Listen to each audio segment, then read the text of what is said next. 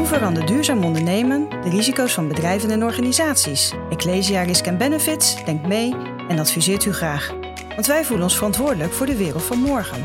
Ecclesia Risk Benefits, samen, bewust en gerust vooruit.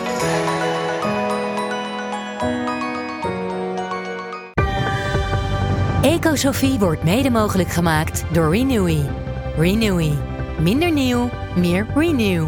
Want afval bestaat niet. Hoe breng je economie, ecologie en filosofie in balans?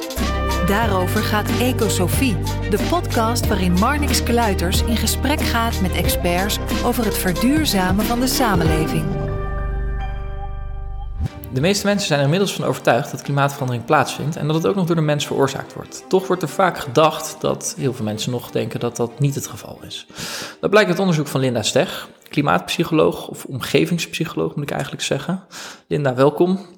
Je houdt je bezig met gedragsverandering. Uh, je hebt onder andere als hoofdauteur meegewerkt aan verschillende IPCC-rapporten. Eentje over anderhalve graad en eentje het zesde assessments-rapport. Eigenlijk het, het algemene IPCC-rapport over hoe de wereld ervoor staat op het gebied van klimaatverandering. Het collectief van wetenschappers dat zich bezighoudt met de staat van de wereld op het gebied van klimaat. Um, jij houdt je dus bezig met gedragsverandering daarin, mitigatie, hoe we klimaatverandering kunnen voorkomen. En dat heeft ook veel te maken met waardes, bleek uit je onderzoek. En vaak wordt er toch gedacht dat mensen ja, gemotiveerd worden door egoïstische en um, hedonische waarden. Dus dat zijn wat meer de waarden die op jezelf gericht zijn. Terwijl jij eigenlijk ziet dat mensen vaak veel meer geven om de biosferische en altruïstische waarden. Dus de waarden die gaan om het uh, helpen aan anderen en de natuur en het milieu om je heen. Gaan we over gesprek. Dan ben ik eerst al benieuwd naar een grote vraag. En dat vind ik wel interessant met iemand die zich met grote rapporten bezighoudt. Wat zie jij veranderen als je een jaar voor het zeggen hebt in de wereld? Nou, uh, ik zou uh, veel meer consistent toewerken om de klimaatverandering uh, tegen te gaan. Maar ook al zorgen dat we ons aanpassen aan de klimaatverandering die al optreedt. Want beide gebeurt al. En ik denk dat het vooral belangrijk is om wat consistenter beleid te voeren. Omdat, nou ja, omdat er grote veranderingen nodig zijn, maar ook omdat dat anderen de garantie geeft dat hun bijdrage zin heeft en anderen laat zien welke kant we met z'n allen naartoe moeten. In plaats van zwabberbeleid, uh, waarbij je iedere keer net op een andere uh, been wordt gezet. En dan ben ik wel even benieuwd of je een voorbeeld hebt van zwabberbeleid wat nu plaatsvindt. Uh, bijvoorbeeld, uh, nou wat nu bijvoorbeeld plaats is gevonden, voor een goede reden overigens, is dat we weer meer, kolen gaan gebruiken vanwege de gascrisis. Nou, het zou heel mooi zijn geweest als we al eerder actie hadden genomen, waardoor de, de vraag naar gas al veel eerder naar beneden was gegaan.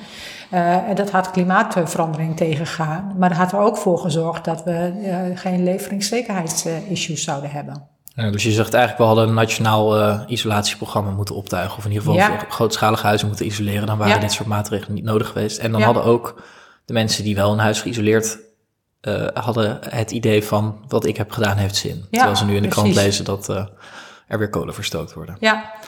Oké, okay, en vanuit dit vakgebied bezig bij het IPCC is misschien wel leuk om even te noemen van ja, wat is jouw rol daar en hoe is ja, toch bij het IPCC moet ik vaak denken aan de rapporten die iedere keer weer uitkomen waaruit blijkt dat klimaatverandering plaatsvindt. Nog zekerder wordt dat het aan de mens ligt en dat alles nog sneller plaatsvindt en dat het allemaal erger gesteld is dan het vorige rapport. Um, jij doet het vanuit gedragsverandering. Wat, uh, wat is jouw rol precies? Want hoofdauteur klinkt als een heftige titel. Zou je er eens wat meer over kunnen vertellen? Ja, nou, de, uh, bij de IPCC-rapporten zijn heel veel auteurs uh, betrokken. Heel veel hoofdauteurs, dat zijn mensen met een bepaalde expertise en achtergrond, die meeschrijven aan de verschillende hoofdstukken van het rapport. En dan heb je ook nog coördinerende hoofdauteurs en die coördineren de inhoud van een bepaald hoofdstuk. En het klopt wat jij zegt, waar de IPCC-rapporten over gaan, klopt helemaal. Waar het ook over gaat, en dat vooral in het rapport waaraan ik heb meegeschreven, is dat we beschrijven wat we zouden moeten doen om klimaatverandering tegen te gaan. Kan het nog en welke veranderingen zouden dan nodig zijn? Wat auteurs doen, is zij uh, maken een overzicht van de literatuur. Uh, en beschrijven de stand van zaken, maar, uh, maar, dan op een beleidsrelevante manier. Niet be beleidsvoorschrijvend, dus we zeggen niet wat beleid moet doen, maar we maken een overzicht van de, de literatuur, assessment noemen ze dat in IPCC-termen. zodat beleidsmakers handen, ja, handvatten krijgen om te weten wat ze zouden moeten doen om actie te ondernemen. Ja, dus moet ik dan goed begrijpen dat jij vanuit psychologisch perspectief bekijkt welk gedrag er veranderd moet worden en hoe dat precies gedaan wordt, dat is niet jouw taak, maar dat mogen ze in Den Haag bepalen? Of op Europees niveau? We beschrijven wel hoe dat gedaan zou kunnen worden, maar we beschrijven heel veel verschillende manieren hoe dat gedaan zou kunnen eh, worden. En dan is het aan de taak, van de, de taak en de, de, verantwoordelijkheid van de politiek om daar keuzes in te maken. Dus er zijn verschillende manieren om te zorgen dat we min, uh, minder last krijgen van klimaatverandering en het beperken. Het kan bijvoorbeeld zijn drastische gedragsverandering. Uh, als we dat niet willen, dan uh, moeten we heel veel meer duurzame uh, energie opwekken. En als we dat niet willen, dan kunnen we ook CO2 bijvoorbeeld opslaan in de ondergrond. Dus daar, daar, zijn keuzes in te maken. Maar wij beschrijven van, nou, als je gedrag wil veranderen, dan zijn dit de gedragingen met een hoog impact. En dan zijn dit mogelijke strategieën die je kunt inzetten om te zorgen dat mensen ook in staat worden gesteld en gemotiveerd raken om hun gedrag aan te passen. Ja, en dat is, zijn drie rapporten die dus geschreven worden. En als ik het goed zeg, dan ben jij dus betrokken bij de derde. Ja. Over mitigatie. En wat zijn de andere twee om even een volledig beeld te schetsen? De eerste is de toestand van het klimaat. En de tweede gaat over adaptatie. dus oh wat kunnen we doen om ons aan te passen aan klimaatverandering? Daar doen wij ook onderzoek naar trouwens. Want ik dacht dat voorlang, uh, we gaan vooral kijken hoe we het kunnen tegengaan. Maar het treedt al op. En we kunnen er niet op vertrouwen dat de overheid ons helemaal uh, gaat beschermen. We kunnen zelf en we moeten ook zelf actie ondernemen om de risico's te beperken. Dus daar doen we ook onderzoek naar. En dan heb jij het over welk gedrag je kan veranderen. Aan welke knoppen kan je dan draaien? Want ik heb bijvoorbeeld ja, Martin Scheffer ook gesproken. Die zei, ja, eigenlijk is de uitdaging toch wel redelijk simpel. We moeten die fossiele brandstoffen gewoon in de grond laten zitten. En ja veel minder dierlijke eiwitten consumeren. Ja. Eh, zijn dat ook met name de onderzoeksgebieden waar jij je mee bezighoudt? En dan toch ook in de vorm van hoe minder of altijd eh, gebruik van alternatieven? Ja, dus er zijn vier uh, grote klappers die je kunt maken. Vier typen gedrag met een heel grote impact. Dus hoe we wonen. Dus is je huis goed geïsoleerd. Hernieuwbare energiebronnen bijvoorbeeld. Ehm, eh, niet bijvoorbeeld hernieuwbare energie gebruiken in plaats van fossiele energie, precies wat je zegt. Uh, minder dierlijke producten eten, dus eh, niet alleen vlees, maar ook zuivel en eieren. en als laatste mobiliteit. Dat zijn de dingen met de hoogste impact. En wij kijken dan, we brengen dan voor de IPCC in kaart wat bepaalt nu dat mensen daar al dan niet duurzame keuzes in maken. En wat zou je kunnen doen om mensen te stimuleren wel duurzaam te handelen. En het kan aan de ene kant zijn dat je ze meer bewust maakt van de voordelen van het gedrag en de nadelen van het niet duurzame gedrag. Maar het kan ook inhouden dat je beleid gaat voeren zodat duurzaam gedrag beter mogelijk of goedkoper wordt. En bijvoorbeeld een. Uh, als je nu gaat vliegen, dan betaal je daar geen belasting over, terwijl je wel een hoge milieubelasting hebt. En daardoor is de keuze voor de mensen tussen vliegen en de trein gaan, ja, die, dan gaat de balans wel heel snel naar het vliegen, want het is veel goedkoper, sneller. dan met de trein gaan. Dus dan moet je ook daar iets aan veranderen. Ja, als je voor 50 euro naar Barcelona kan vliegen en je bent er in twee uur van A tot Z. Um, en uh, treinen kost, weet ik veel, 15 uur of zo van A tot Z en het is zes keer zo duur, dan wordt het wel inderdaad. Dan moet je wel echt heel erg van het milieu houden en op de biosferische waarde zitten waar we zo over gaan hebben. Dan, uh, uh, ja, dat is nog niet de makkelijke weg, om het zo te zeggen. Wat ik ook wel interessant vond, was dat uh, in een TED-talk die jij houdt, of TEDx moet ik zeggen, denk ik. Ik weet nooit precies wat het verschil ertussen nou is. In ieder geval een mooie, uh, mooie talk op YouTube van een minuut of 15.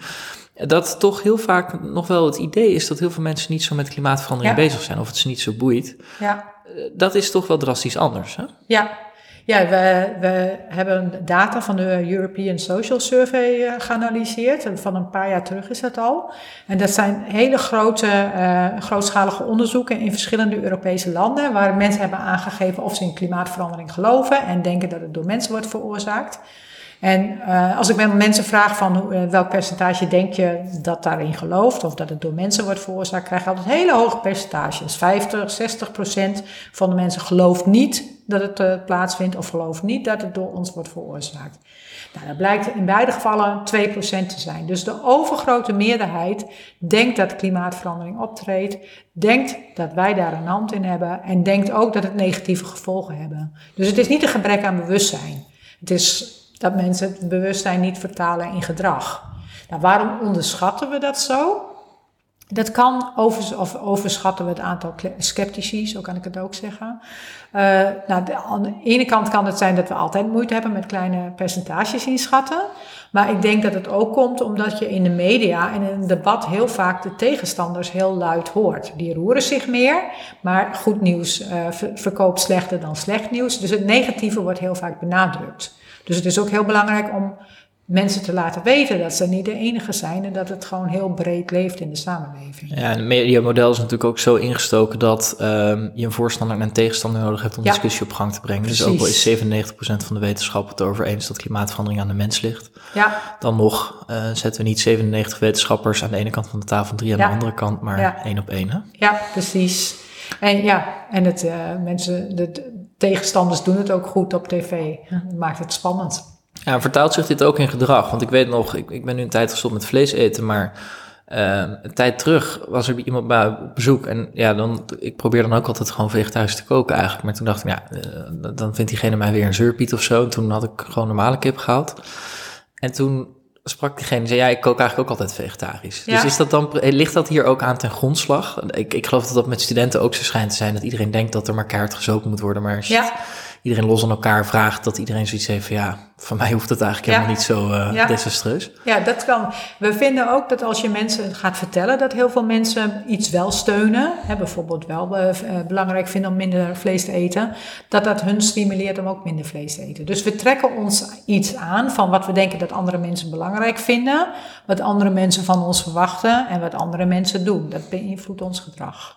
Ja, en tegelijkertijd denk ik dan ook, dan is het best wel onderschat hoe groot het draagvlak voor ja. klimaatverandering, om, ja, voor klimaatverandering, om er iets tegen te doen. Ja. Dus laten we dat erbij vertellen, uh, ja. dat daar veel meer draagvlak voor is dan we misschien ogenschijnlijk denken. Ja, dat, ook dat, met het, dat zijn we bezig om dat nu te onderzoeken. Maar ik weet van mijn eigen praatjes, dat als ik bijvoorbeeld aan het publiek, en dat kunnen beleidsmakers zijn, vraag van, uh, wat denk je wat het draagvlak is voor dit beleid, dat ze dat ook heel vaak onderschatten. Dus mensen vind, zijn veel meer bereid om dingen te doen dan vaak wordt gedacht. Mensen zelf vinden ook trouwens, dat heb ik al in mijn promotieonderzoek zelfs gevonden, dat zij, uh, ze denken dat zij beleid meer ondersteunen dan andere mensen. Dus het, we onderschatten de bereidheid van anderen vaak systematisch. Ja, en welke, ja, want kijk, uiteindelijk heb je het over gedragsverandering. Nou is er ook een tijd terug weer een boek verschenen over um, beter milieu begint niet bij jezelf. Ja. Nou is het natuurlijk niet zo dat gedragsverandering per se aan jezelf hoeft te liggen. Hè? Want ja. je kunt ook gedragsverandering opleggen vanuit de overheid. Hoe, hoe kijk jij daar dan naar uit uh, psychologisch oogpunt? Ben je toch met name bezig van hoe individuen zich kunnen veranderen? Of ook welk draagvlak er dus is en hoe je vanuit de overheid gedragsverandering kan faciliteren? Ja, beide. Want we kijken nooit alleen naar, gedrag, maar ook naar acceptatie van veranderingen. Maar omgevingspsychologen die kijken ook altijd heel erg naar de rol van context. Dus de omgeving waarin je verkeert. En de systemen waarin we nu functioneren. En gedragsverandering is dus niet alleen verantwoordelijkheid van de consument. Want soms is het gewoon heel lastig of zelfs niet eens mogelijk om je gedrag aan te passen. En dan moeten ook andere partijen hun gedrag aanpassen, andere keuzes maken om te zorgen dat consumenten uh, in staat worden gesteld om duurzaam te handelen. Dus als een, een bedrijf uh, uh, duurzame producten aanbiedt of goede vleesvervangers, dan is het voor een consument ma makkelijker om minder vlees te eten. Als de overheid op een andere manier belasting gaat heffen, zodat duurzaam handelen of duurzaam consumeren niet duurder wordt, maar goedkoper, dan wordt het makkelijker voor mensen om duurzame keuzes te maken. Ja, dus nu is het vooral nog tegen de stroom inzetten. Dus de mensen die zich goed willen gedragen, die worden vaak tegengewerkt. En ja. Uh, dat begint natuurlijk wel te kantelen. Ja. Um, maar dat, dat mag allemaal wel, dat, dus dat moet wel in samenwerking, samenspraak. Ja. Eigenlijk die drie actoren, hè, de consument, bedrijfsleven en de overheid, waar ja. je de, grofweg die splitsing toe kan maken. Ja, en dat was ook een van de hoofdconclusies van het anderhalf graden rapport van de IPCC. Alle actoren moeten tegelijkertijd handelen. En dat is ook meteen de uitdaging, want het lijkt erop dat iedereen op elkaar zit te wachten. Dus we moeten uh, kijken hoe kunnen we nou zorgen dat het hele systeem verandert. Dus de consument en de bedrijven en de overheid en de financiële, uh, financiële wereld, zodat ze allemaal richting duurzaamheid gaan. Ja, en dat vind ik het wel interessant, want ik noemde al dat jij omgevingspsycholoog was.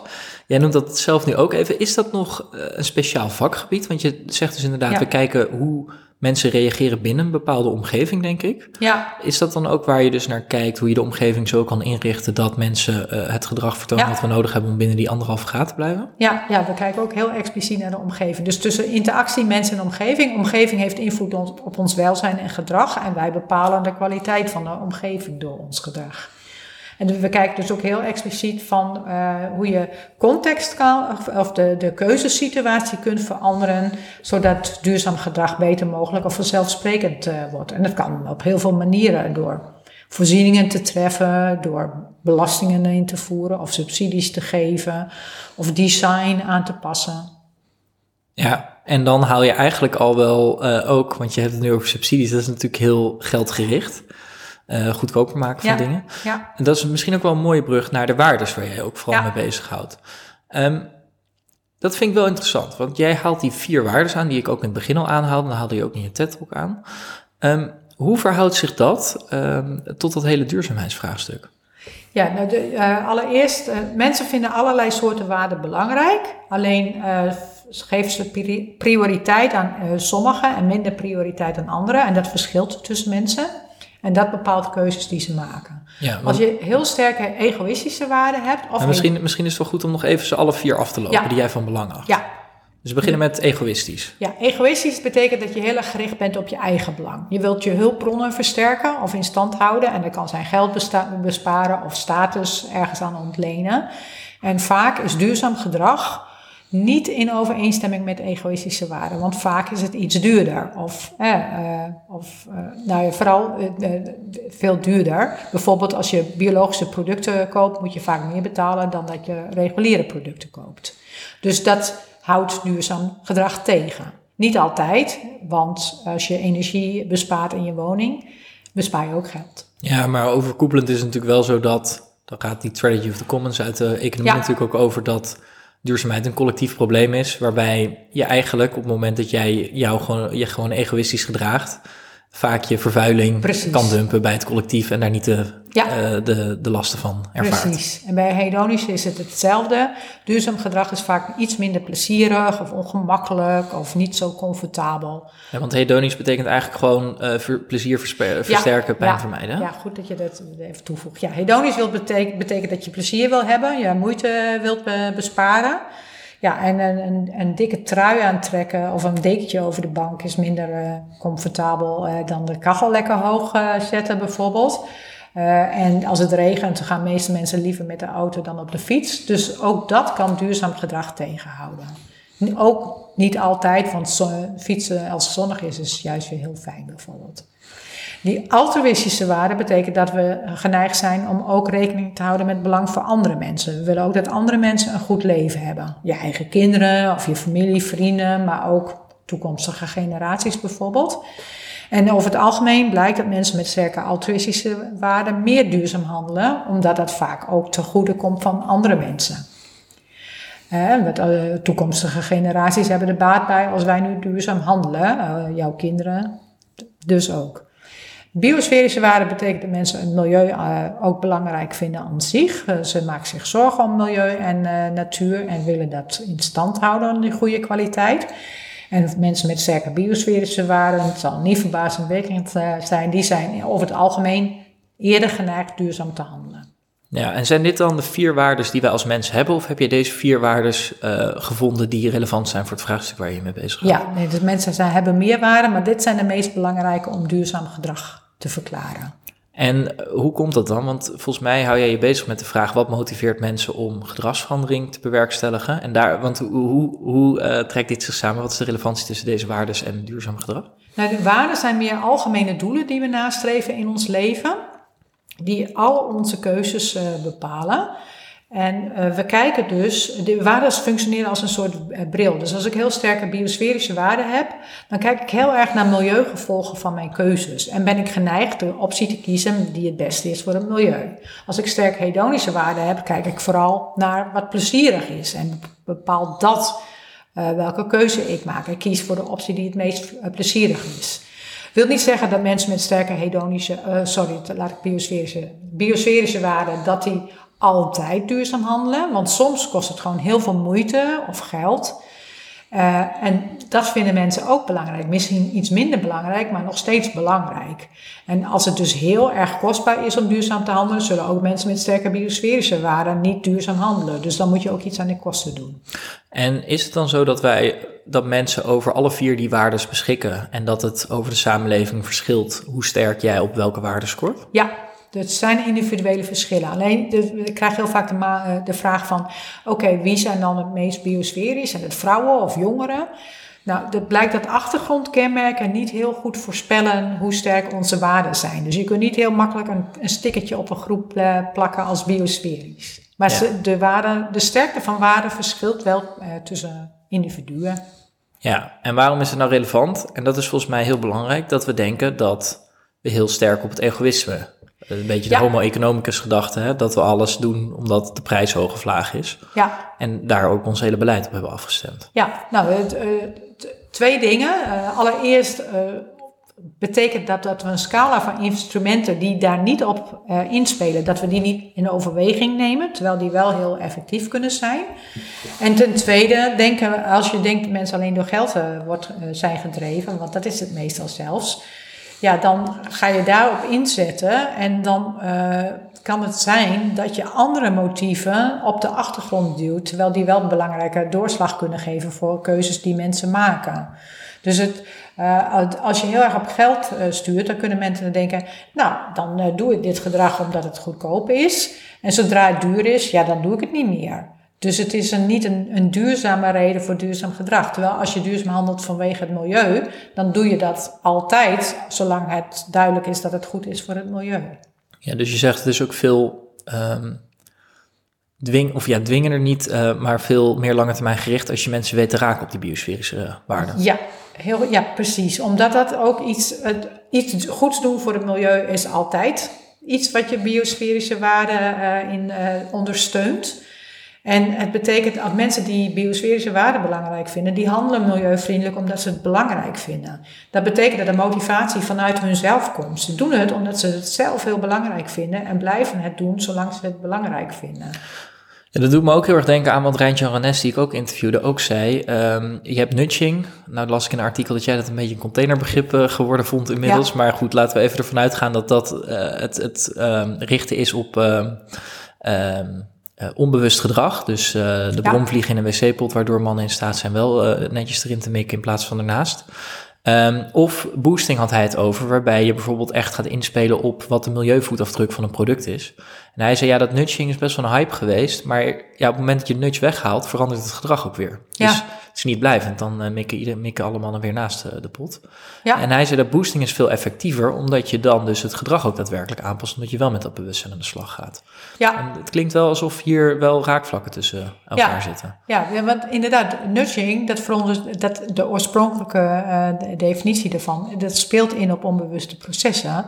Maar dat betekent niet alleen dat hij alleen maar uh, werkt uh, als hij. Nee, het, meer in het algemeen. Hij werkt alleen in, op de plek waar hij aanwezig is. Ja. Dus als die vlieg op een andere wc niet aanwezig is, dan doen mensen het al niet meer. Ja, en het klinkt eigenlijk redelijk hedonisch. Alsof je, uh, het is natuurlijk plezierig of een leuk pleziertje om even te mikken op die vlieg. En ja. als dat pleziertje dus niet is, dan doe je het inderdaad dus ook niet meer. Nee, maar andere uh, nudge is bijvoorbeeld uh, default optie. Dus dat je bijvoorbeeld in een kantine, de standaard optie die je aanbiedt is vegetarisch. En dan kopen mensen meer vegetarische maaltijden.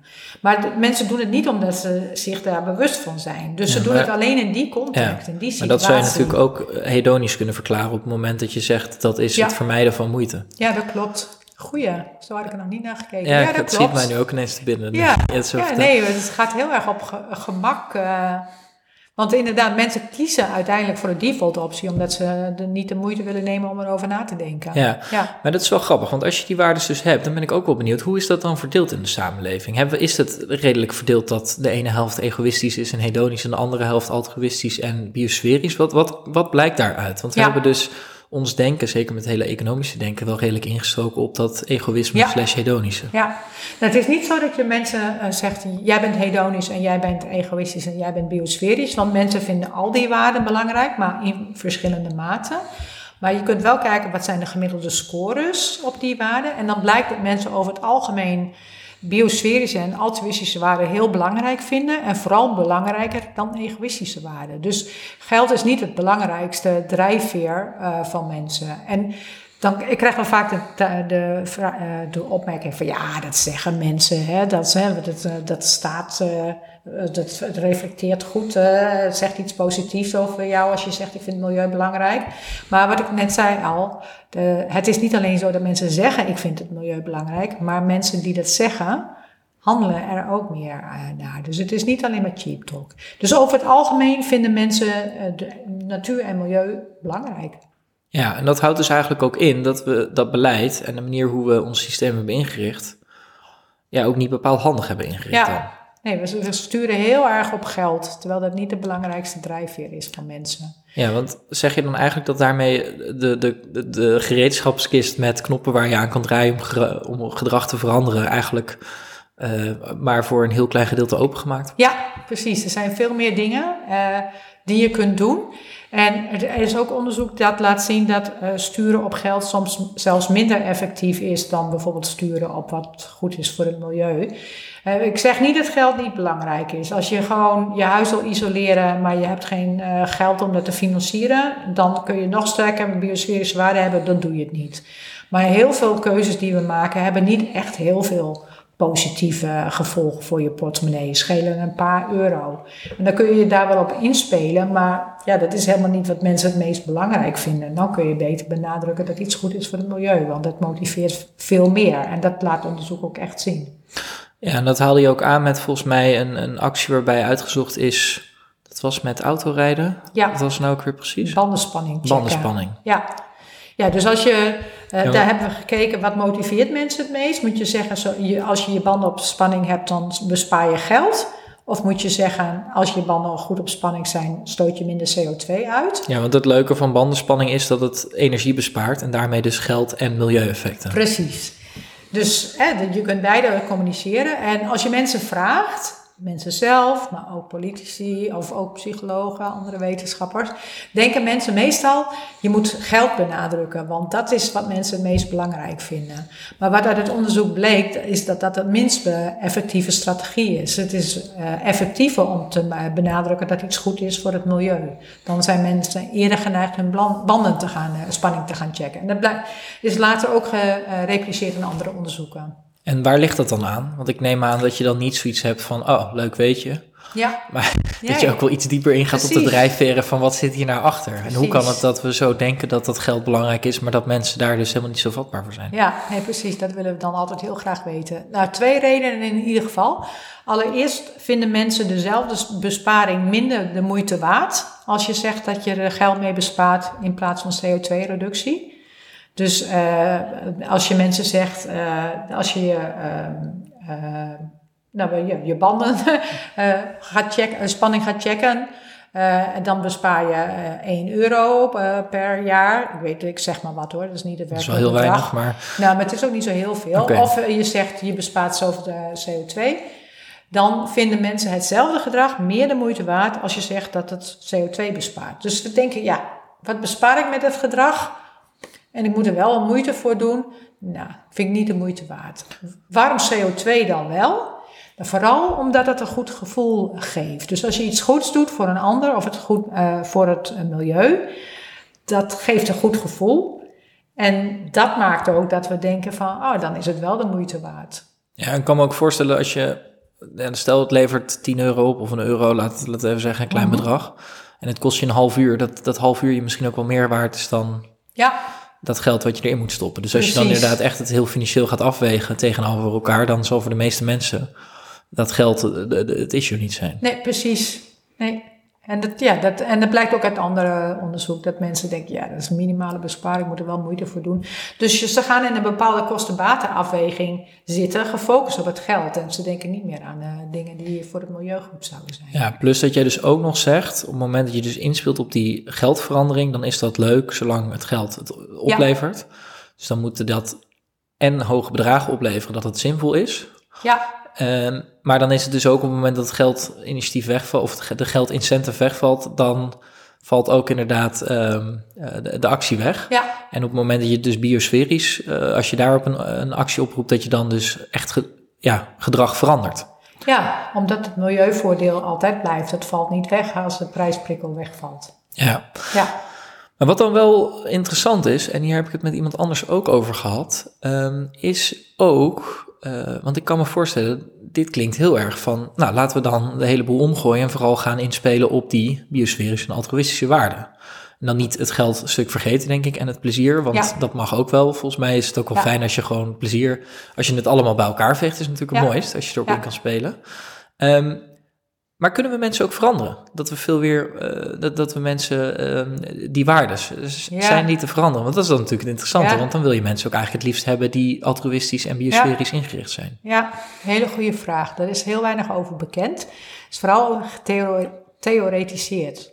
We weten wel uit eh, bepaald onderzoek eh, dat waarden kunnen veranderen, maar dat wa- eh, waren, eh, dan zijn die veranderingen gewoon vanzelf opgetreden. Niet omdat er beleid eh, werd ingevoerd. Bijvoorbeeld als mensen veranderen, eh, verhuizen naar een andere cultuur, dan gaan ze meer de waarden van die nieuwe cultuur belangrijk vinden. Maar wat jouw vraag is, kunnen we beleid voeren om die waarden te veranderen? Ik zou denken van wel, als eh, mits je mensen echt na gaat laten denken over het belang van hun waarden. En dat doen we vaak niet. Dat nemen we gewoon voor lief aan. Zo is dat nu eenmaal. Ze worden gevormd tijdens onze jeugd en dan liggen ze min of meer vast. Maar als je mensen kunt triggeren om na te denken over het belang van hun waarden en dan ook informatie geeft die ertoe zou kunnen leiden dat ze er anders over gaan denken, dan verwacht ik dat ze zouden kunnen veranderen. Dat ben ik altijd nog van plan om een keer te onderzoeken, maar dat heb ik nog nooit gedaan. Nou, ik vind het wel interessant. Ik denken aan twee eerdere interviews die ik had. Eentje met Hans Reus, dat is iemand die ehm, executive search doet. Ehm, en dat betekent eigenlijk dat hij gewoon bestuurders plaatst Ja. in, in hoge bestuursfuncties. En hij zei ook dat uit onderzoek van hem bleek, wat hij samen met de VN had gedaan, ehm, dat CEO's die dus ehm, duurzaam handelen, dat daar vaak bleek dat zij over meerdere continenten gewerkt hadden en in meerdere functies actief geweest Ah. waren. En dat lijkt wel redelijk te ondersteunen Ja. aan wat jij dus zegt inderdaad met dat die biosferische en altruïstische waarden groeien op het moment dat je dus met meerdere culturen ook in aanraking Ja. komt. Ja, oh wat interessant. Dat zou best kunnen inderdaad. Ja, en een ander interview wat ik deed met Chi Chu, en die heeft een vitaliteitsinstituut, die kijkt ook heel erg vanuit de wetenschap, is dat hij zijn naast de biologische basisbehoeften hebben we ook psychologische basisbehoeften. Als we die emanciperen, dan krijgen mensen eigenlijk meer zelfbeschikking. Ja, Wat we daaruit zien is dat mensen met meer zelfbeschikking eigenlijk in plaats van escapistisch juist veel altruïstischer handelen. ah.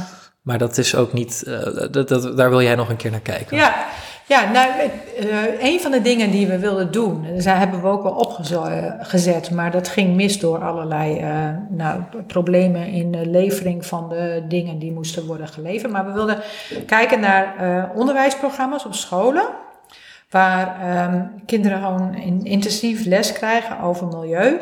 Of dat er dan toe leidt dat hun waarden veranderen. Omdat ze wel echt de hele tijd heel actief met die stof eh, bezig zijn. En bij kinderen zijn die waarden nog niet heel sterk eh, eh, ge- vastgeroest, zeg maar. Ze zijn nog zich aan het vormen. Maar er waren allemaal logistieke problemen waardoor het, allemaal, het programma niet goed werd geïmplementeerd. Waardoor we dat niet konden nagaan. Dus dat zou één manier kunnen zijn. En we hebben ook wel eens nagedacht of, of we dat niet met onze eigen studenten zouden kunnen doen, die een cursus eh, milieu gaan volgen of omgevingspsychologie voor en een nameting. En daar, want daar heb je ook een, een heel blok, ben je heel intensief met die stof eh, bezig. Maar ja, dat zijn alleen maar ideeën die ik nog niet heb ingegaan. Ja, en ben ik wel benieuwd als je dit soort ideeën hebt, druk je mensen dan met hun neus de boekjes in of zeg je dan juist, eh, ga de natuur in en daar kijken hoe die natuur ook daadwerkelijk werkt? Ja, niet alleen in de boekjes kijken. Ik denk dat je echt moet zorgen dat mensen er actief mee bezig zijn, dus ook met anderen over gaan discussiëren bijvoorbeeld. Ja, en is het wel zo dat we nu wel heel erg gericht zijn op dat, ehm, op die hedoni- hedonische en egoïstische waarden, dat het ook be- betekent dat die misschien wel versterkt worden, omdat die alleen Hmm. maar gebruikt worden, of is daar ook weinig over bekend? Ja, dat is een goeie. Zou best kunnen, omdat je mensen daar ook de hele tijd aan herinnert, hè? Ja, ik kan Ja. me dat wel voorstellen. En ook omdat, ja, onder economen is er natuurlijk wel consensus. En dat lijkt je dus redelijk onderuit te halen. Ja, Eh, aan de consumentenkant tenminste. Want ik denk altijd wel dat je daar een goede nuance tussen moet maken. Dat aan de consumentenkant is beprijzing dus niet de enige issue. Wel iets wat, ja, het moet dus inderdaad niet zes keer zo duur zijn. Maar mensen zijn volgens mij dus prima bereid om iets meer Ja. te betalen. Ja. Mits ze dat kunnen, want je kunt ook niet groen doen als je rood staat. Zo- Ja. Zo'n mooie uitspraak. ja, Ehm, maar op het moment dat je beprijzing niet toepast, heb je natuurlijk ook dat een vegetarische slager of een fabrikant ook niet zijn businessmodel kan creëren. Dus Ja. het is volgens mij wel degelijk goed om te beprijzen, maar niet vanuit ehm, die twee eerste waarden, denk ik. Nee, en eh, ik denk dat als je beprijzen zeker, hè, prijzen doen het toe, maar ze zijn niet doorslaggevend. Het zou ook beter zijn dat als je dan iets doet met prijsbeleid, dat je het koppelt aan het milieubelang. Want dan is de kans groter dat mensen nog steeds denken van, oh ja, maar ik, ik betaal bijvoorbeeld minder nu, of ik krijg deze subsidie omdat het goed is voor het milieu. Of ik betaal een hogere belasting omdat het goed is voor het milieu. En dan heb je een grotere kans dat het milieubelang ook saillant is en blijft. En hoe zou je dat vertalen als we in de supermarkt rond willen lopen? Dat, De- je, dan, dat je dan een schap krijgt, dit is goed voor het milieu en Ja, by the way, tussen precies. haakjes goedkoper. Ja, Ja, korting op de milieuvriendelijke producten. dus dat Ja, je dat of- eigenlijk helemaal groen inkleedt. Ja, Ehm, en, en dat daar dus eh, dan ook nog eh, de bonusafdeling bij zit. ja bijvoorbeeld. Eh, Wat, de supermarkt is ook wel interessant dat het, eh, het belangrijkste wat, eh, waar de focus op ligt, is prijs. Op alle producten zie je de prijs. Wat zou er gebeuren als je op alle producten de milieu-impact het eh, grootste zou printen? Er is dus een supermarkt geweest die het heeft geprobeerd, maar ik kan het niet terugvinden. Ik dacht dat het in Noorwegen was, hè? Oh, ik dacht Engeland. Oh, volgens mij ook. Misschien een- zit ik, eh, maar ik hoop allebei dan eigenlijk. dat wij verschillende nieuwsberichten hebben we gezien. gaan zoeken. Maar ja. dat was inderdaad wat Rijnt Jan dan ook zei. Dan ga je dus inspelen op die eh langetermijn effecten. Ja, Wat ik daarbij ook wel interessant vond, wat jij ook nog vertelde, wat in gedragseffecten heel eh, belangrijk is, is dat eh, acties uit het verleden ook voorspellend zijn voor de Ja. actie in de toekomst. Hoe werkt dat? Eh, dat heeft te maken met hoe we onszelf zien. En in specifiek of we onszelf als zien als iemand die duurzaam handelt. En we zien onszelf meer als iemand die duurzaam handelt als we sterke biosferische waarden hebben. En als je jezelf zo ziet, ben je ook meer geneigd duurzaam te handelen. Want we willen graag consistent zijn. Handelen in overeenstemming met hoe we onszelf zien. Maar dat zelfbeeld wordt niet alleen bepaald door onze waarden, maar ook door ons eerder gedrag. Dus hoe we onszelf zien hangt af van wat we ons realiseren, wat we eerder hebben gedaan. Dus als jij denkt van, oh, ik heb heel veel, heel veel duurzaam gedrag vertoond, ben je ook eerder geneigd jezelf als duurzaam persoon te zien en om dan duurzaam te handelen. Andersom ook natuurlijk, als je eh, te horen krijgt of je realiseert, ik handel niet duurzaam, dan denk je, oh, blijkbaar vind ik dit niet zo belangrijk en ben je minder gemotiveerd duurzaam te handelen. Ja, dat doet me wat denken, want ik heb het wel eens met een collega erover gehad. En dan hadden we het erover dat het bedrijf ook faciliteerde, of in ieder geval eh, vanuit de financiële dienstverlener werd er eh, een groene hypotheek ook aangeboden. Om bijvoorbeeld zonnepanelen te financieren. En mijn eh, leidinggevende zei toen, ja, mensen die dat doen, dat worden andere mensen. Want je gaat, als je zonnepanelen op je dak hebt, Hmm. Ja. ga je op een app zitten checken. Ja.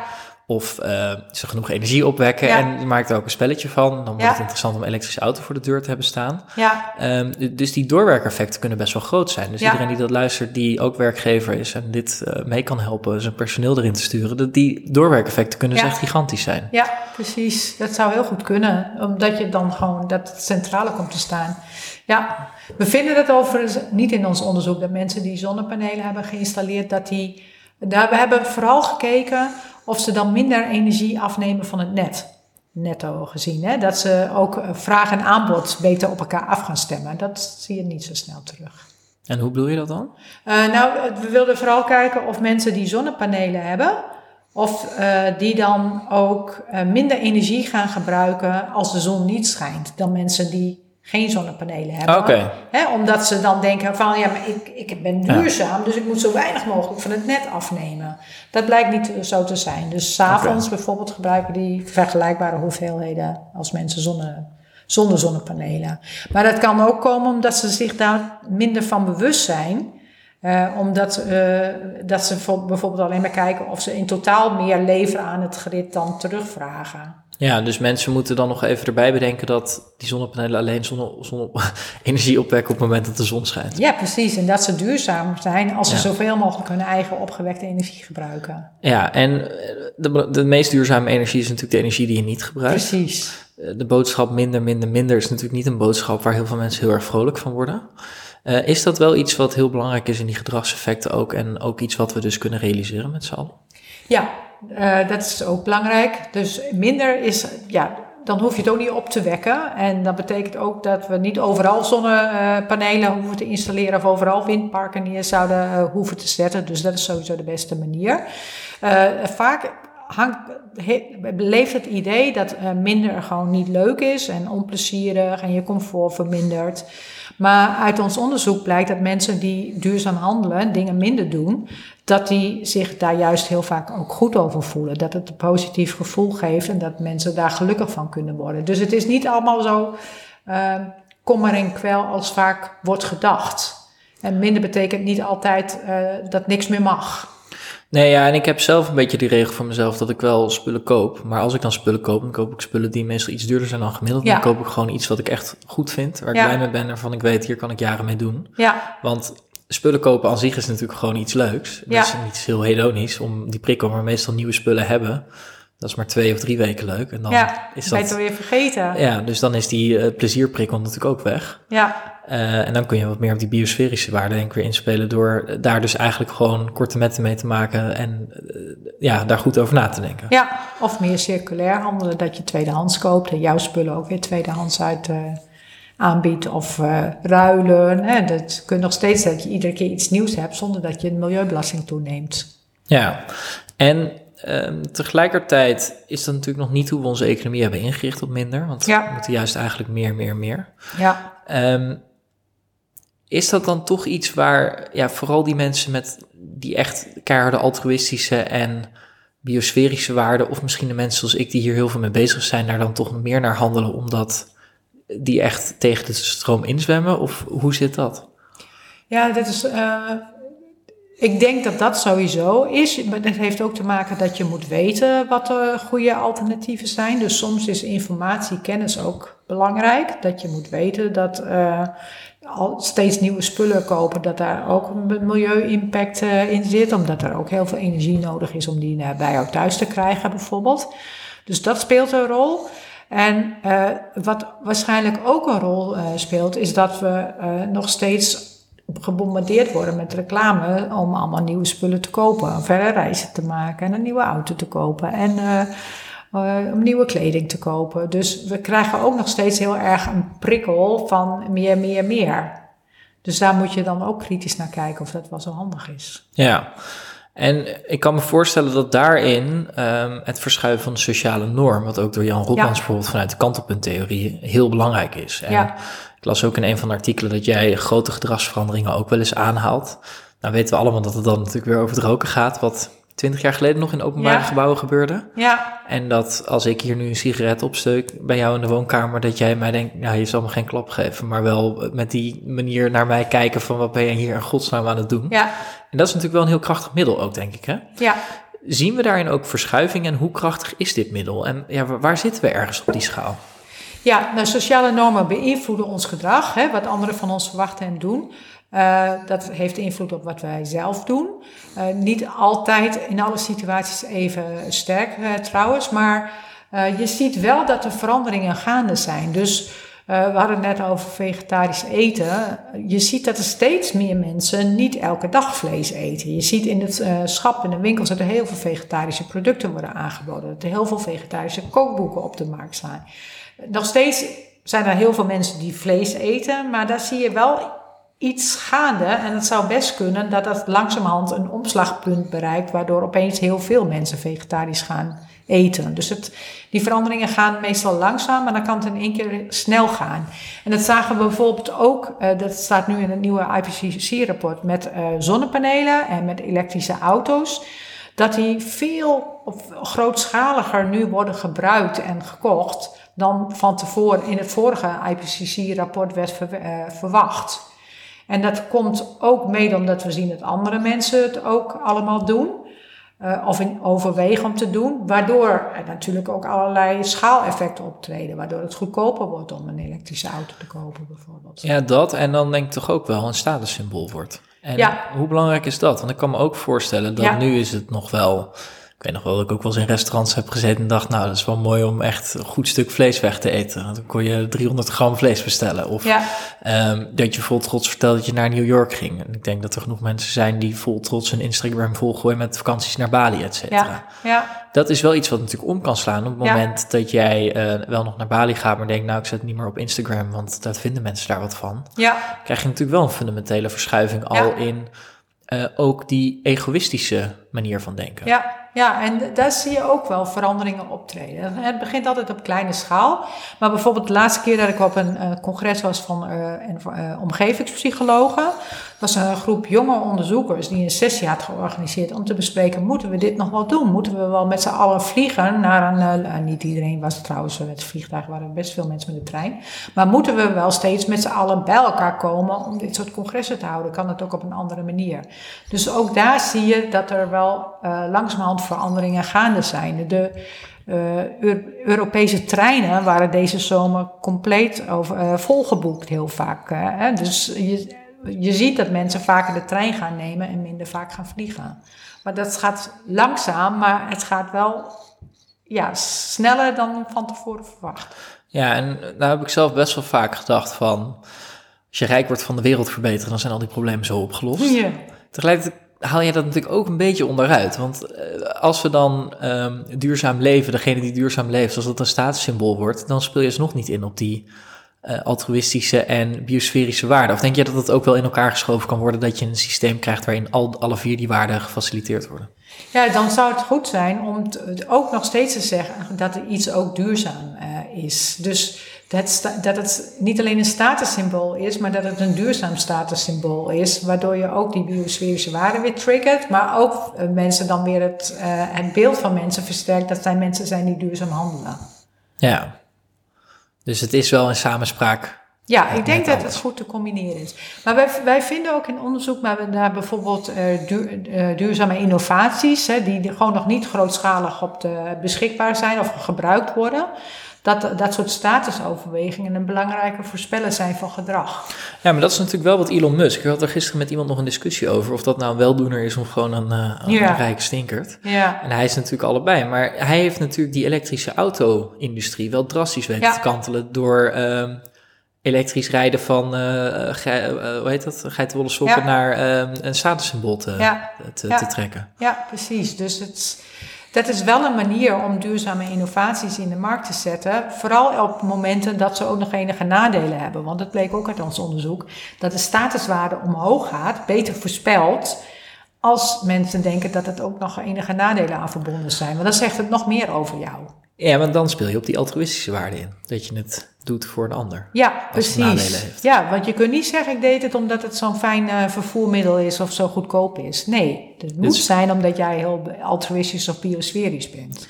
En dat vond ik ook wel leuk in een van je andere zoeken. Want ik ben dus nu zelf als toch wel liefhebber van vlees eten. Nou ja, goed, als je 85 interviews doet en het gaat allemaal over duurzaamheid en telkens blijkt hoe slecht de bio-industrie voor, eh, voor eh, alles is wat we doen, dan is het ook wel tijd om daar een keer mee te stoppen. Maar eh, jij zei ook, ehm, volgens mij eh, mogen mensen daar ook wel voor uitkomen. Want de reactie die mensen dan ook vaak geven is van... nee het is super lekker om vegetarisch te zijn... terwijl dat helemaal niet mijn drijfveer is waarom ik dat doe. Ja, precies. Dat zou ik dan vooral, ook wel benadrukken waarom je het doet. Want dat kan weer andere mensen inspireren om het ook te doen. Ja, want ik had daar nog een discussie over met iemand anders een tijd terug. Die zei, ja, dat is toch niet te vreten? En ik zei, ja, dat is ook helemaal niet waarom ik het doe. Ja, ja, ja, ja. ja. Maar dat is ja. wel belangrijk. Maar, Ja, dus- maar ja, ook, volgens mij is het ook wel belangrijk om te kijken of dat je het wel op een smakelijke manier Ja, kan dat doen. lijkt me Hè, wel- dat heel waar- vaak is dat ook zo. Ja, en de, de- ik ben nu er redelijk laat bij en eh, het, het de aantal vega-burgers knalt natuurlijk eh, eh, de schappen uit. De mensen die Ja. vijf jaar geleden volledig veganistisch waren, dat zijn de echte mensen waar je eh, volgens mij echt respect voor moet hebben Ja. dat zij die stap toen al eh, zetten. Ja, Wat ik wel interessant vind in wat je zegt, dan lijkt bij mij eigenlijk een beetje het gevoel te kleven dat we mensen, eh, dat het financieel redelijk dicht bij elkaar moet liggen, dat we een beetje nadelen moeten hebben, dus dat het gat niet te groot moet zijn. Dus het moet Ja. wel haalbaar zijn, ook Ja. betaalbaar. ja. Maar dan moeten er eigenlijk ook wat nadelen aan zitten, zodat we ons goed voelen dat we dus het, doen voor een ander en dat het beter is voor het milieu. Ja, dat, dat, dat- inderdaad, ik ga me onszelf wel goed voelen. Ja. Maar alles met, met mate, hè? dus het moet niet een drempel worden. Dus enige eh, moeite of eh, ongemak is niet zo, vinden mensen niet zo erg, maar het moet niet te erg zijn. Want dan wordt het echt een belemmering. Ja, en zou jij dan nog concreet, uh, ik stelde jou die vraag van uh, wat zou je doen als je het jaar voor te zeggen hebt. Hoe zouden wij nou concreet, want dat is misschien ook nog wel interessant om even aan te tikken, hè? want het gaat dus niet alleen om het individu. Ja. Uh, die gedragsverandering moet ook echt gefaciliteerd worden door overheid en bedrijven. Dus het is zaak dat alle drie die factoren gas gaan geven. Ja. Uh, zou je voor alle drie nog een tip hebben? Baseer je, of kijk goed naar wat mensen drijft en wat mensen belangrijk vinden en doen, want vaak onderschat je de bereidheid bij anderen. En dus het kan zijn dat een overheid denkt, ik ga geen drastisch klimaatbeleid invoeren, want dan word ik niet meer herverkozen. Er zijn heel veel mensen die het wel belangrijk vinden. Mensen gaan er ook zelfs voor op de, straat op. Hè? Die klimaatmarsen is wel heel belangrijk, een heel interessant fenomeen. Want meestal gingen mensen alleen maar de straat op als ze tegen iets zijn. En nu gingen mensen de straat op omdat ze iets extra's wilden. Dus dat laat wel zien dat het draagvlakker is. Dat is natuurlijk wel een fundamenteel verschil met bijvoorbeeld eh, de, de acties tegen de kernwapens. Ja, in plaats van voor klimaatbeleid. Ja, precies. Wat ik me wel afvraag, want we zijn, wij zijn natuurlijk ook gewoon de overheid, want er wordt vaak naar de overheid verwezen, maar wij zijn natuurlijk ook degene die stemmen. En nou had ik eerder dat voorbeeld van dat bier drinken, hè, dat iedereen zich helemaal lam zou bij wijze van spreken in de studententijd. Terwijl als je dat individueel aan de mensen vraagt, zegt iedereen los van elkaar, nou voor mij hoeft het helemaal niet zo heftig. Ja. Hoe kan het dan toch dat we redelijk uh, rechtse regering hebben? Ja. Uh, nou is uh, VVD natuurlijk niet tegen klimaatbeleid, maar ik denk dat er partijen zijn die veel scherper voor klimaatbeleid zijn. Of ja, dat weet ik wel zeker. Hoe kan het dan zijn dat als mensen in zo'n anoniem hokje staan, ja. dat ze dan toch voor de VVD kiezen? Is dan zelfs daar de ogen van anderen dat uh, dwingend dat je denkt van ik wil mee in de massa? Of uh, hoe, hoe is dat dan te verklaren? Ja, dat, dat zou ik heel graag willen weten. Ik weet het, daar het antwoord niet op. Ik heb er ook geen onderzoek naar gedaan, maar het zijn meer politicologen die er denk ik naar kijken. Maar ik vind het wel heel fascinerend. Eén ding is natuurlijk dat we niet alleen stemmen op basis van wat een partij voor het klimaat uh, doet. Uh, daarbij komt dat wij een aantal uh, VVD-klimaatministers hebben gehad die echt heel belangrijke milestones hebben, hè, mijlpalen hebben bereikt. Dus een paar hele goede klimaatministers waren wel voor VVD-huizen. Dus het is niet zo dat VVD anti-klimaat is. Ik denk, uh, ik, ik weet het niet waarom mensen uh, niet kiezen voor partijen die echt heel voortvarend klimaat uh, bovenop de agenda hebben staan. Ik denk dat het belangrijkste is dat andere dingen ook belangrijk zijn. En de campagnes die worden gevoerd, de mensen krijgen ook allemaal uh, uh, misinformatie. De, ze worden heel specifiek beelden geschept over allerlei verschillende partijen die niet altijd op de werkelijkheid gebaseerd zijn. Ja, want het voelt zo tegenintuïtief als dit uit uh, een anoniem, ja. het grootste, de grootste anonieme enquête die er in feite is natuurlijk, Ja. de verkiezingen blijkt, Ja. dat we dan, dat toch uit jouw onderzoek blijkt dat um, uh, ja, mensen toch Ja. vaak veel duurzamer zijn dan we in wezen denken, maar omdat we denken dat andere mensen niet duurzaam zijn, dat we ons ook maar niet duurzaam gedragen. Ja, en dat kan ook uh, politici ervan weer, te, weerhouden om uh, klimaatbeleid te voeren, omdat ze onderschatten uh, hoe belangrijk andere mensen dat vinden. Ja, dus dat inzicht, dat zouden we echt, daar zouden Ja. we echt veel meer mee moeten doen of Ja. kunnen doen om drastische verandering op gang te brengen. Ja. En vanuit het bedrijfsleven? Hetzelfde, daar kan het ook een rol spelen dat ze denken dat mensen bepaalde pro- producten niet willen kopen. Hè, eh, eh, en dat ze daarom maar niet op de, eh, in de markt zetten. Dus daar geldt ook, kijk goed naar wat consumenten drijft. En ik denk dat binnen bedrijven dat daar ook nog een rol kan spelen. Dat ze denken van ja, wij kunnen dat wel doen, maar andere bedrijven zullen dat niet doen. En dan eh, ga ik er onderdoor, omdat ik als enige investeer en alle anderen doen het niet.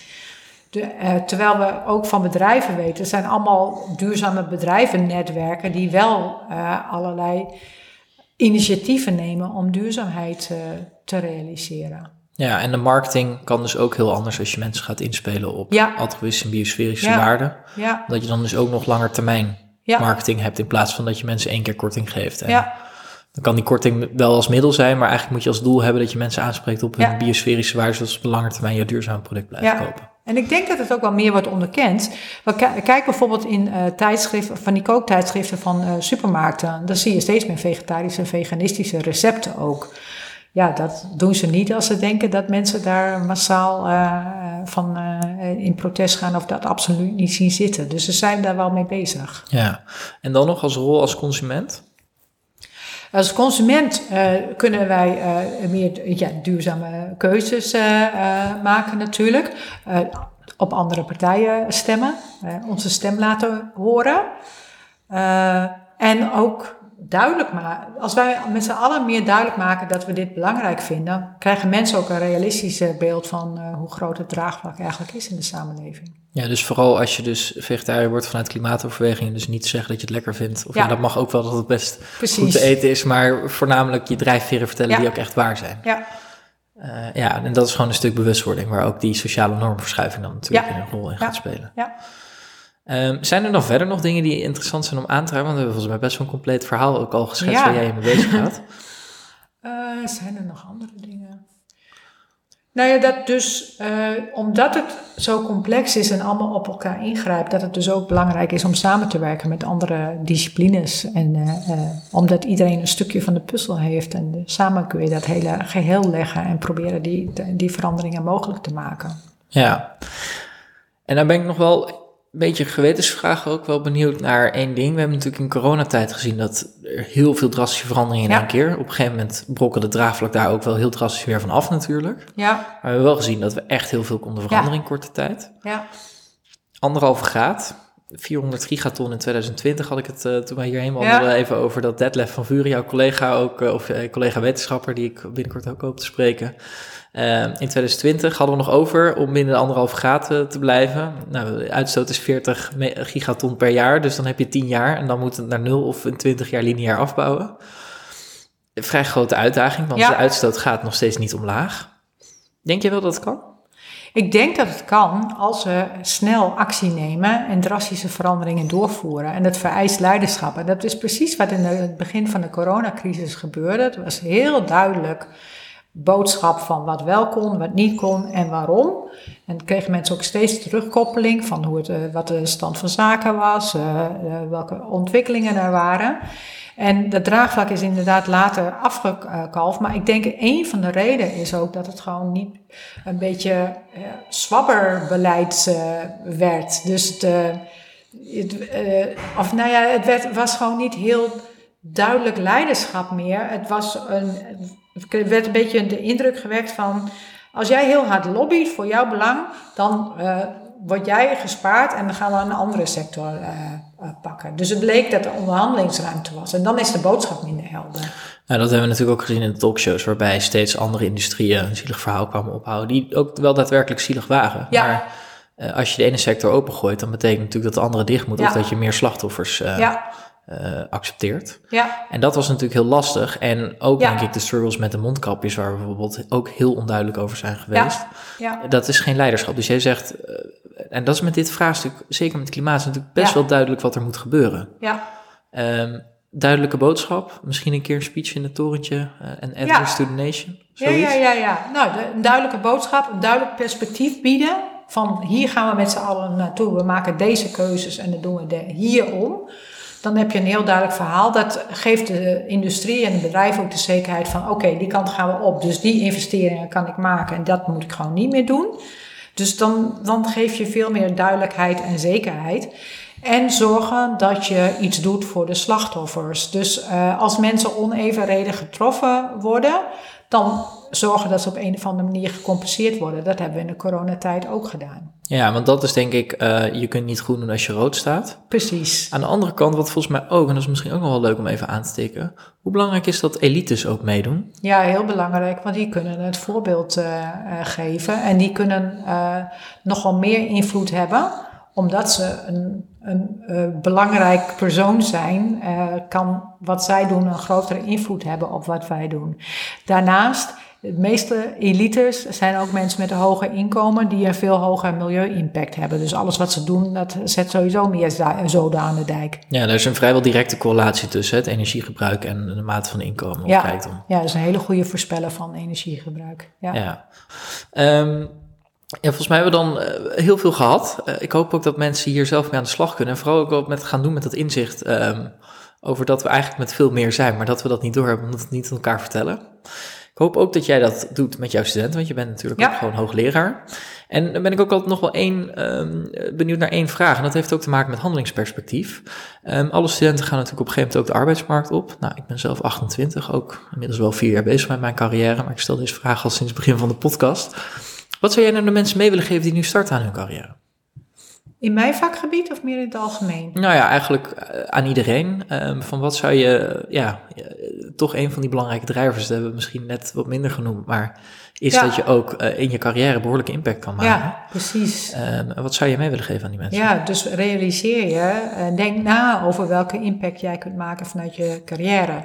Dus we vervullen allemaal verschillende rollen. Als consument kun je allerlei dingen doen, maar ook als eh, in, in je carrière eh, ben je een, eh, een beleidsmedewerker. Een, eh, of werk je in een bedrijf, eh, werk je in de financiële sector. Voor al die perspectieven kun je ook invloed hebben op klimaatverandering. Dus denk na wat je kunt doen en probeer het te realiseren. Ja, want we hebben iedereen nodig. We hebben echt iedereen nodig. Jij bent er druk mee bezig. Ben je ook weer betrokken bij het volgende IPCC-rapport? Eh, dat weet ik nog niet. Dat, is, dat, dat moet dan nog helemaal, dat hele proces begint nog van scratch on. Ik moet er heel goed over nadenken of ik dat weer doe, want het kost wel heel veel tijd. En ook niet betaald, begreep ik. Nee, iedereen doet het in zijn vrije tijd. Het is Ja. heel inspirerend ook. Ik heb er heel erg veel van geleerd. Maar het, eh, je moet er wel echt goed tijd voor vrij kunnen plannen. Wel behoorlijke impact. En eh, iedere zes jaar of zo komt er een nieuw rapport, eh, hoofdrapport uit, dacht ik. wel, ja. Ja, maar dat doet me denken aan één laatste vraag nog, helemaal ter afsluiting. Ik geloof vanuit deze podcastserie heel erg sterk dat we met 10 miljard, waar we heen groeien als wereldbevolking, prima met, gelukkig kunnen samenleven op deze planeet. Zou je daar vanuit psychologisch oogpunt nog wat over kunnen zeggen, of dat haalbaar is? Ja, ik denk dat het haalbaar is als we allemaal zorgen dat onze individuele impact op het milieu eh, vermindert. Nou, niet iedereen hoeft dat te verminderen trouwens. Vooral in de westerse eh, wereld moeten we onze impact eh, verminderen. Dus ik denk dat dat kan. eh, dat we daar ook gelukkig mee kunnen eh, zijn. Omdat eh, duurzaam handelen sowieso gelukkig maakt. Maar ook omdat de belangrijkste dingen die ons gelukkig maken zijn bijvoorbeeld sociale relaties en niet geld of bezit. Dus in die zin zou het moeten kunnen. Ja, daar hoeven we niet per se de hele wereld over, voor over te vliegen. Nee, hoeven we ook niet per se ehm, eh, dieren voor te eten. nee, dat Precies. zijn allemaal geen voorspellende factoren van geluk. precies. We hoeven ook niet allemaal eh, elk jaar een nieuw bankstel of eh, wat dan ook nieuw. Met Ja. minder eh, kunnen we heel gelukkig zijn als we maar eh, fijne mensen om ons heen hebben met wie we goede eh, relaties hebben. Ja, en een goed klimaat, liefst binnen Yes. de anderhalve graad. Ja. Dus laten we daar nog maar even voor gaan. Ja. Dank voor je tijd, Linda. Graag gedaan. Wil je de interviews terugluisteren met andere CEO's, politici, wetenschappers en activisten of meer weten over Ecosofie? Kijk op ecosofie.net.